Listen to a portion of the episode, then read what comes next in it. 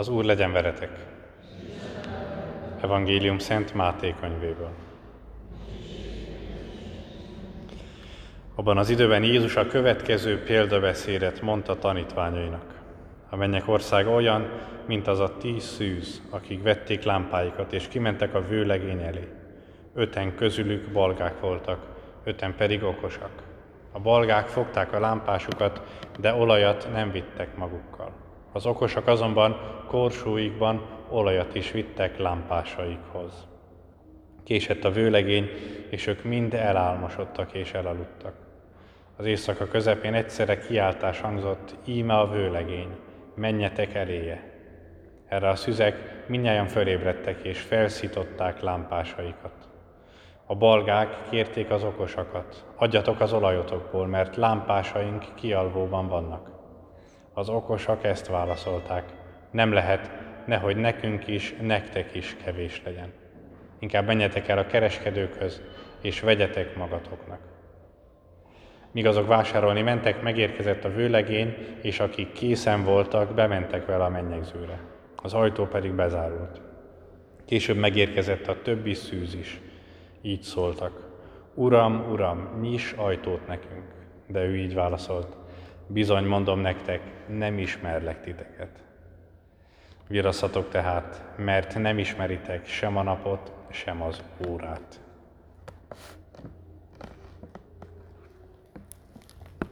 Ezek az evangélium igéi.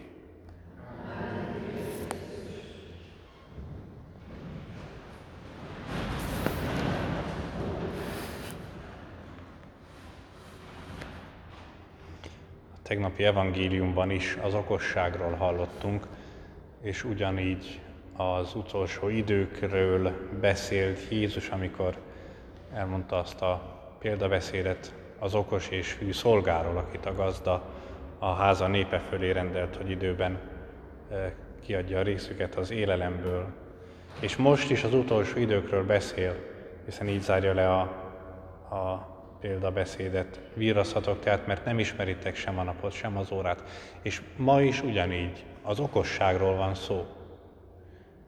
A tíz okos és a tíz balga szűznek a, a példabeszédében.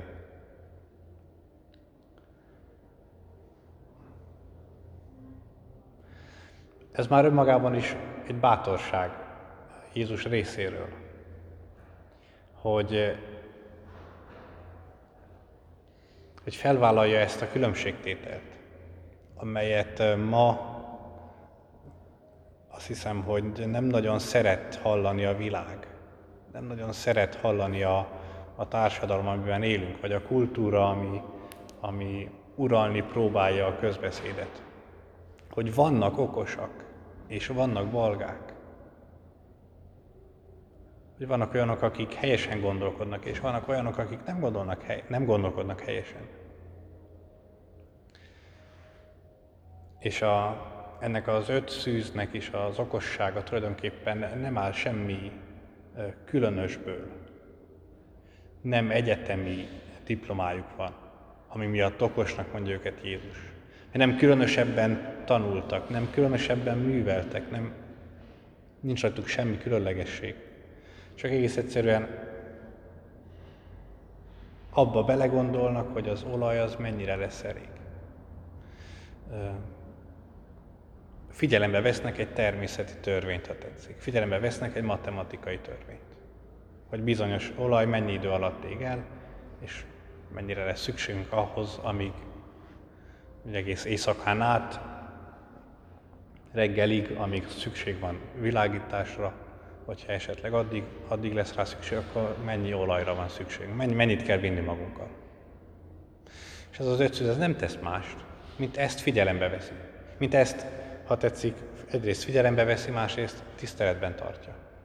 Tiszteletben tartja.